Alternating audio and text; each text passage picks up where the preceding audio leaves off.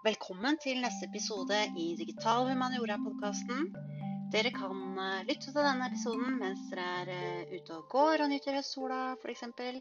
Kanskje tar dere oppvasken. Eller dere kan også sette dere ned og ta fram powerpointen eh, til det seminaret som denne episoden er ment for. Og gjør dere det, så er det sånn at hver gang dere hører en liten jingle, så betyr det at dere da går til neste lysbilde.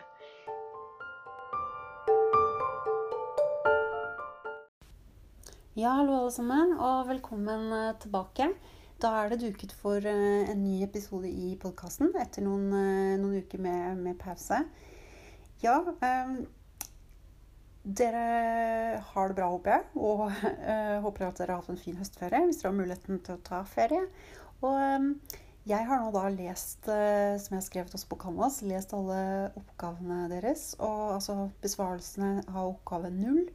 Og ja, som jeg skrev, jeg ble imponert. Jeg syns det var uh, veldig spennende å se hva dere har fått uh, til. Og um, hvor, i hvor stor grad dere også um, Altså dere var kreative når det kom til å tenke ut et forskningsspørsmål som faktisk kan la seg utrede ved hjelp av disse metodene. Og dere tok også den utfordringen på alvor når det kommer til å beskrive på en måte prosessen deres og hvordan dere har tenkt. Eh, og kjempeinteressant å, å, få være med på det, eller å få innblikk i det. At dere, har, eh, at dere har delt det i oppgaven, sånn som dere var, ble etterspurt om å gjøre i oppgaveformuleringen. Så det er veldig bra. Um, dere har kanskje sett noen av dere at nå ligger oppgave én, altså neste oppgave av de fire obligatoriske, ute.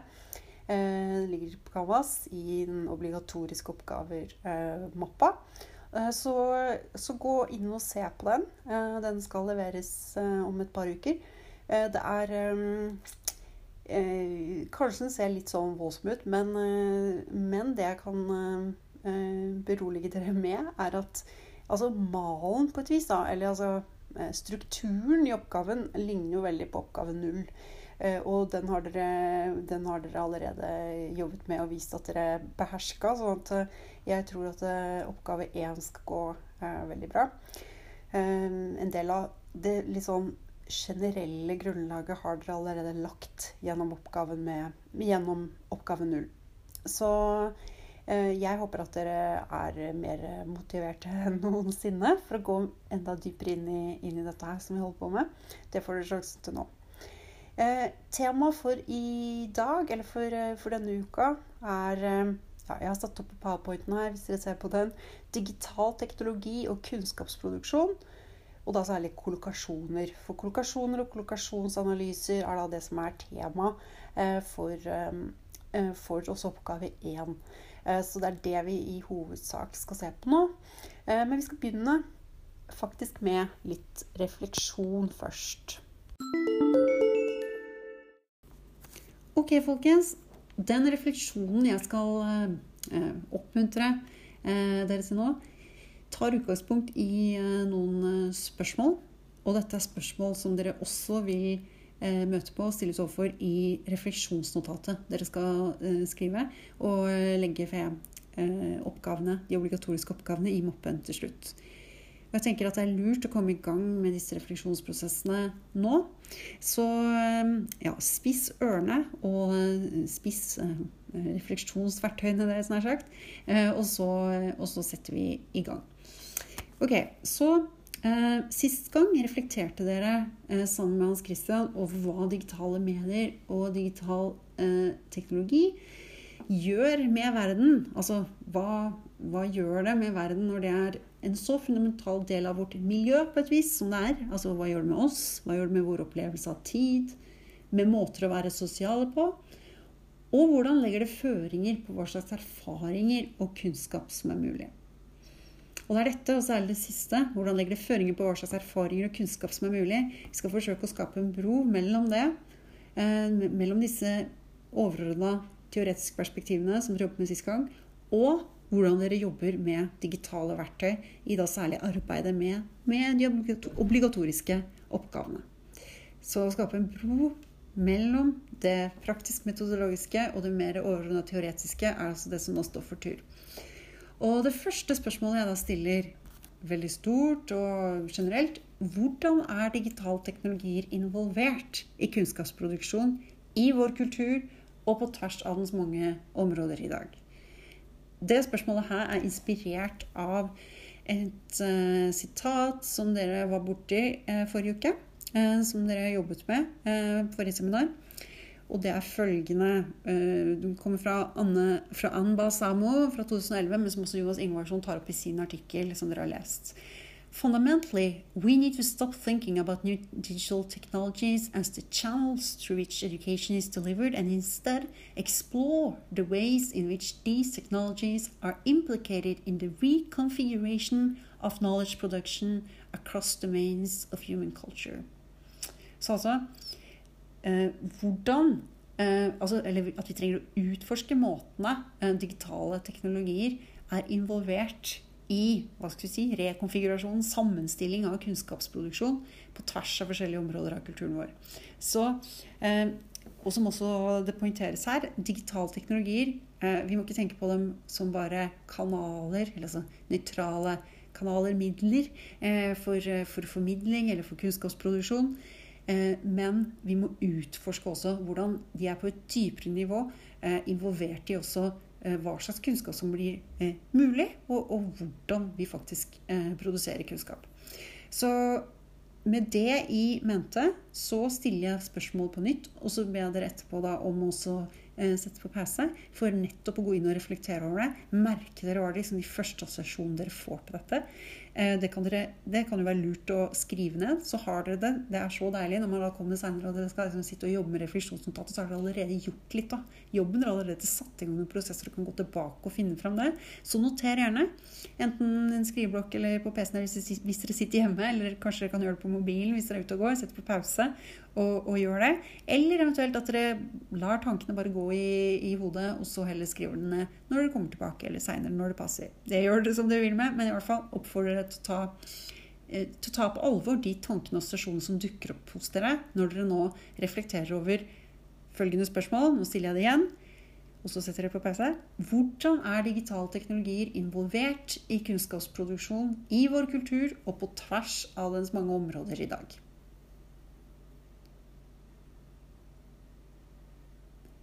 da eh, går jeg videre. Da håper jeg at dere eh, fikk en del eh, tanker, fikk en del å tenke på av dette spørsmålet. Så går vi til neste, som er mer konkret. fordi altså, En viss fare med det første spørsmålet er at det er så vidt og så stort at det er vanskelig å vite hvordan man skal liksom, få ankerfeste, eller hvordan man skal komme inn i det. Og dessuten eh, ja, kanskje også at det kan være litt vanskelig å liksom, tenke forbi noe litt sånn fraser, generelle fraser som man har hørt ofte. Eh, så, så hvis dere syns det var litt vanskelig å liksom, få ordentlig tak på det, så skal vi konkretisere mer nå. For nå har dere i oppgave 0, og dere skal fortsette med det i oppgave 1, produsert kunnskap ved hjelp av digitale metoder. Altså i hvert fall Dere har eksperimentert og dere har forsøkt på det. Det er på en måte målet. ikke sant? Skulle bruke disse metodene til å produsere ny kunnskap. Og da kan vi jo stille spørsmål om flere ting. Eh, hva slags føringer legger da den digitale teknologien på, på selve kunnskapsproduksjonen? Det er det, det er det, første. Eh, det har dere egentlig vært litt borti før. Men, eh, men nå igjen, at dere, at dere, tenker noen sekunder på det. Sett gjerne på pause igjen. Hva slags føringer legger den digitale teknologien, sånn som dere nå har brukt den når dere har jobbet med oppgavene, på kunnskapsproduksjon? Ok, Og så kommer det et nytt spørsmål, og det eh, er beslekta, nært beslekta egentlig med, med, det forrige. Vi er fortsatt inne på hvordan dere har jobbet i, i uh, oppgaven. Uh, og uh, hva slags føringer den digitale teknologien legger, men denne gangen på hvordan kunnskap sammenstilles eller rekonfigureres. konfigureres. Altså Kanskje litt rart spørsmål, litt sånn underlig formulering. men sammenstilles. Altså et hint da, å ta med seg inn i dette er ja, dere har på den ene siden eh, det algoritmiske, altså det rene kvantitative eller datateknologiske. Og så har dere også dere, deres møte med det, og eh, hva dere gjør med det, eller altså hvordan dere jobber med det som, som humanister. Det kan være en måte å ta fatt i dette på. Så ta oss noen sekunder nå eh, og tenk over det. Hva slags føringer legger den digitale teknologien på hvordan kunnskap sammenstilles?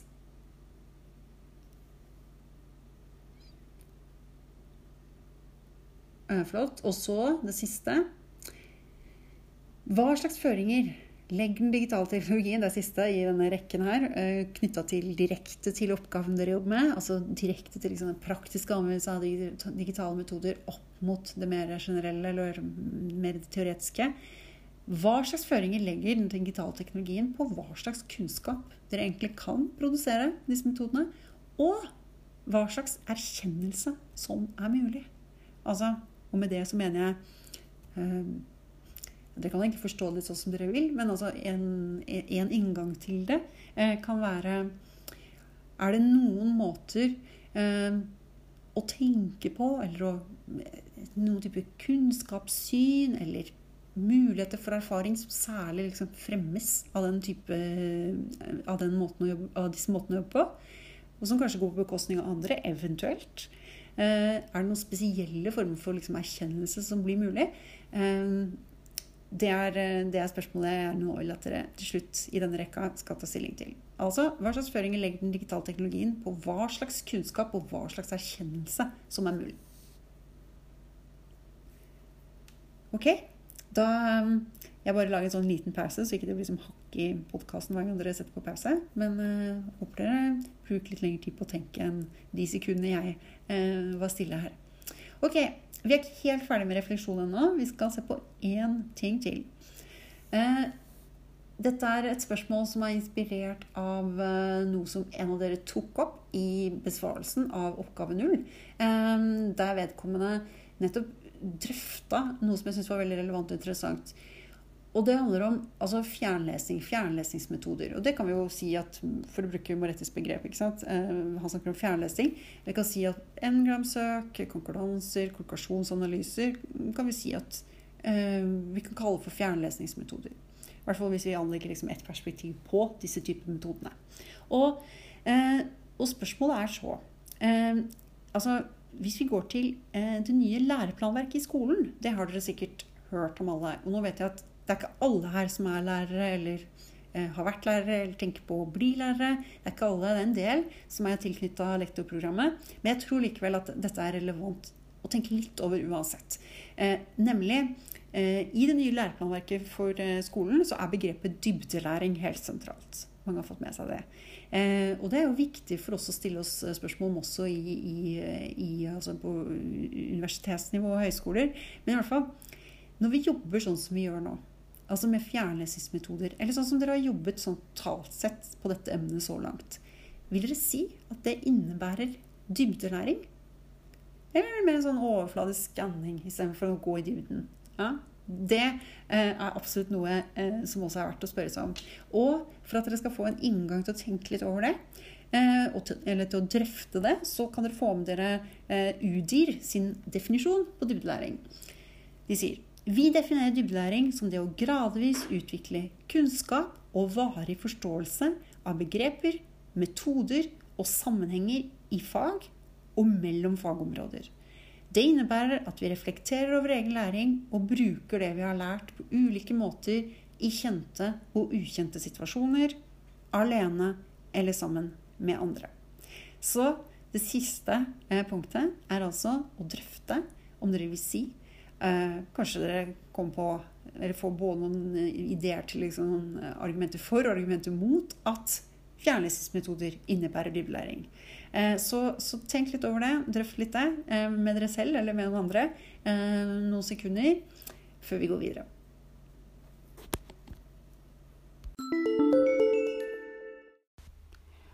Ok, dere, men nå går vi til kollokasjonsanalyser. Og hva er egentlig det? Eller ja, aller først, hva er kollokasjoner i det hele tatt? Det er kanskje noe som er kjent for enkelte, men jeg vil tro også det er mange som ikke er så kjent med hva vi egentlig mener med det, eller hva det er. Så jeg skal si litt om det. Hvis jeg går til Store norske leksikon og starter der, så viser det seg at eh, der er det plassert eh, innenfor eh, grammatikkdelen, altså et grammatisk begrep.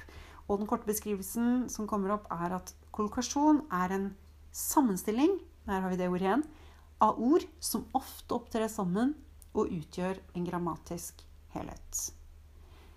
Det vil med andre ord si, og som det står her videre, en kollokasjon betyr det som alle ordene i den tilsier samlet. Og poenget her med å si det, eller altså det viktige her å legge merke til, er at det er altså ikke sånn at et enkeltord er en kollokasjon. En kollokasjon eh, består av flere ord som til sammen eh, har en eller annen eh, betydning, en eller annen mening, i kraft av at de er assosiert med hverandre. Eller at de annen, eh, utgjør en, språk, en, språklig funksjon eh, sammen. Eh, la oss se litt nærmere på, eller la oss se litt på etymologien. Altså ordets opprinnelse. Det kommer fra latin 'colocasio', som igjen er avledet av verbet 'colocare'. Og det betyr å stille sammen eller plassere sammen. Og vi kan høre K, altså den CO-prefikset, som vi kjenner fra mange andre ord. Med, mer eller mindre på norsk. Eh, og vi har lokare, som er en avledning av ordet locus, som vi sikkert kjenner altså som sted. Så medsted eller samme sted opptre sammen. Altså det er etymologien til ordet, som er greit å ha med seg. Men for at det skal bli litt mer konkret, så kan vi se på noen eksempler. Hvis dere slår opp kollokasjon i en norsk ordbok, så kanskje dere vil støte på storslagen utsikt som et eksempel. Dette er et ordpar som er sikker på at dere har støtt på mange ganger. Altså, det er ord, to ord som ofte forekommer sammen i det norske språket, altså som da er en kollokasjon. Eh, I litterære tekster, eh, kanskje fortrinnsvis, har dere muligens støtt på 'motet sviktet'. Sant? Et annet ordpar, eller to ord som ofte opptrer sammen, og som, da, som da også er en, et eksempel på en kollokasjon. Overbevisende seier. Eller hva med kniv og gaffel? Og altså Ser dere kniv og gaffel, eh, så utgjør det en slags eh, helhet, kan vi si. Og dere vil da eh, altså få andre assosiasjoner til ordet kniv enn hvis Og tenke at det kanskje er innenfor en tekst om mat, f.eks., eller spising. Og ikke assosiere retning av vold eller drap eller lignende. Så det er for å bare understreke det at et enkelt ords mening også vil da farges av hvilke ord det, det er koblet sammen eller er kombinert sammen med. Eller er plassert sammen med. To eksempler fra engelsk. Strong tea, heavy drinker. Sikkert også ordpar dere har støtt på mange ganger. fordi de, de er ord som forekommer ofte sammen. Det er kollokasjoner. Så med andre ord, eh, og som vi skal se noe nærmere når eh, vi går til kollokasjonsanalyser For kanskje dere har spurt dere nå, ja vel, men hva har dette med digital humaniora eller eh, digitale metoder og Bokula Corpus og det her å gjøre? Ja, vi skal se på det nå. For kollokasjoner vi kan si at det handler om, eller gjøre, utføre kollokasjonsanalyser handler kort om hvordan ord, og studere hvordan ord kombinerer seg med hverandre. Eh, den eh, kjente engelske lingvisten John Rupert, John Robert Firth han har forsket på eh, nettopp hvordan mening, ords mening, hvordan det må studeres ved å se på sammenhengen ord brukes i, sammenhengen de inngår i, altså hvordan konteksten er med på fargeords farge ords mening osv. Kjent også for å ha gjort mye forskning på kollokasjoner. Og sier 'You shall know a word by the company it keeps'. Ok, og hvis vi nå da går litt til, eh, nærmere til lingvistikken, eller til korpuslingvistikken, som er eh, en relevant disiplin for en del av det som har skjedd innenfor eh, digital humaniora, kan vi si. Eh, for korpuslingvistikken altså Det er jo korpus dere jobber med. Altså bokhylla-korpuset, eller eh, når dere jobber med en mindre del. dere eh, utformer eller altså F.eks. et korpus som består av noen tekster fra Bokula-korpuset, så et mindre korpus innenfor det store. Uansett, det er, det er korpus vi jobber med. Og når vi eh, jobber med kollokasjonsanalyser i, eh, i, altså i, og, og, og, utfører det i digitale korpus, så kan vi si at vi har å gjøre med eller kollokasjonsanalyser vil være statistiske mål som sammenligner hvor ofte hvor er brukt totalt sett i et korpus, med hvor mange ganger de forekommer sammen med det ordet vi tar utgangspunkt i. Og da, dere, da blir kollokasjoner noe litt annerledes, selv om det fortsatt har med akkurat det samme å gjøre, siden vi kaller det det samme også, enn det vi så eh, som eksempler så langt. For ord som er statistisk eh, koblet til hverandre, eller statistisk sett assosiert med hverandre, er ikke nødvendigvis ord som er koblet sammen i liksom, kjente fraser som de vi nå så. Det kan være det, men det trenger ikke å være det. Eh, det er eh, ord som er assosiert nært sammen, men ikke nødvendigvis som akkurat alltid forekommer i, i den samme eh, frasestrukturen. Eh, jeg skal eh, forsøke å forklare nærmere hva jeg mener, og illustrere det. La oss si at dere eh, utformer et eh, korpus, eller lager et underkorpus i bokhylla, studerer tekster mellom f.eks. 1960 og 1980, bare for å si noe. Og så undersøker dere om Altså, det tar utgangspunkt i ordet demokrati. Så dere vil finne kollokasjoner med utgangspunkt i ordet demokrati.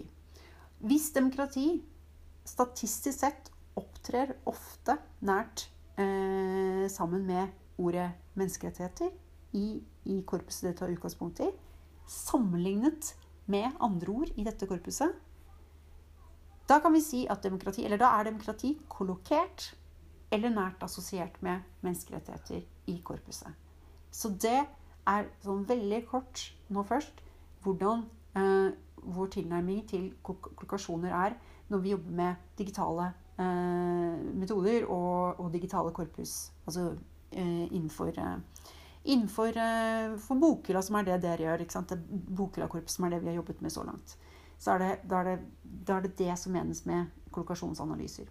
Vi ser på rett og slett hvor ofte ord statistisk sett opptrer nært sammen med hverandre, eh, sammenlignet med hvor ofte ord opptrer eh, sammen med, med, med, ordenes frekvens totalt sett i korpuset. Så kan vi si at eh, det er veldig viktig dette med at vi eh, har en referanse. Altså hvis vi bare skulle sjekke hvilke ord er det f.eks. demokrati eh, statistisk sett, la oss si at vi har eh, mange titusentalls forekomster av ordet demokrati i det aktuelle korpuset. Hvis vi bare søker etter hvilke ord som opptrer oftest sammen med demokrati, eh, da vil ikke det antageligvis være så veldig interessant. For at, eh, da vil det ofte være ord som opptrer ofte sammen med alle ord i korpuset. Det vil være ord som er generelt sett frekvente i korpuset. Eh, kanskje eh, og eller i. Funksjonsord. Og det er ikke så veldig interessant. Eh, så, så, så, det er ikke det vi er ute etter. Så vi må ha en referanse, for det blir først interessant hvis at et ord eh, opptrer mye oftere, eller altså i hvert fall betydelig oftere, da, sammen med ordet vi tar utgangspunkt i, enn med andre ord i korpuset. Så er det eh, som eh, vi vil undersøke. Og i tillegg eh, så har det også vært å legge merke til Jeg sa nå at eh, La oss si at vi har flere titalls tusen, det trenger ikke å være så mange, det, men i hvert fall at vi har ganske mange forekomster av ordet vi tar utgangspunkt i. Eh, da eh, det er det som er viktig, at vi har å gjøre med, med, med relativt store frekvenser for at, vi, for at, vi, skal kunne få eh, undersøke eller få, få kollokasjoner som, som, er, som, er, interessante, som forteller oss noe. Så eh, hvis at vi får Hvis vi ser at av ordene som kommer opp, er et ganske merkelig ord. Eller altså et merkelig ord, altså et ord vi eh, sjelden har støtt på før. Et ord vi, som ikke klinger kjent for oss i det hele tatt, som vi syns er, eh, er, veldig spesielt. Så kan vi jo se, undersøke hvor frekvent var egentlig dette ordet totalt sett i korpuset. Og hvis vi ser at det, la oss si at det forekommer bare to ganger, og begge gangene er i nettopp en tekst om demokrati, da, siden demokrati var, eh, var det vi eh, tok utgangspunkt i, så kan vi risikere at dette ordet eh, kommer opp ganske høyt, altså som, som en eh, At det er ganske nært kollokert med, med, med ordet demokrati. Fordi det opptrer eh, bare i nær sammenheng med det ordet, i, i, det hele og det store korpuset. Men hvis det bare er én tekst av veldig mange tekster som handler om demokrati, så er det likevel ikke en kollokasjon som er egentlig interessant for, interessant for, oss. Så det betyr at det er en slags balansegang da, som er viktig når vi jobber med kollokasjoner. Så vi kan si at vi må ta høyde for ordformer som er frekvente i hele korpuset. Og samtidig må vi ikke gi sjeldne ordformer for stor betydning. Så, eh, så kollokatene man er på jakt etter, ligger et sted mellom disse to. De ordformene som forekommer hyppig sammen med søkeordet, samtidig som de er noenlunde, men ikke altfor sjeldne i korpuset som helhet. Så de ordene som ligger der midt imellom, er de vi er interessert i. Og i notebøkene som dere skal jobbe med etterpå, så har vi forsøkt å innstille sånn at det er nettopp eh, at vi befinner oss i det mellomsjiktet, for det er det vi er interessert i. Eh, det jeg nettopp sa nå, eh, det med denne balansegangen, er noe som Mikkel Ekeland Paulsen har formulert i sin masteroppgave i lingvistikk, hvor han har forsket på på bruken av ordet terror i, i, et stortingskorpus. Så det kan dere sjekke ut hvis dere syns det høres interessant ut. Er eh, vi jammen ved veis ende eh, når det gjelder dagens eh, podkastepisode. Men neste skritt nå er at dere sjekker ut den undervisningsvideoen, eller ja, videoen jeg har lagt ut, nemlig hvor jeg viser hvordan dere kan jobbe med de kollokasjonsnotebøkene som, som ligger ute. Så gå gjerne og se den, og så snakkes vi. Ha det fint.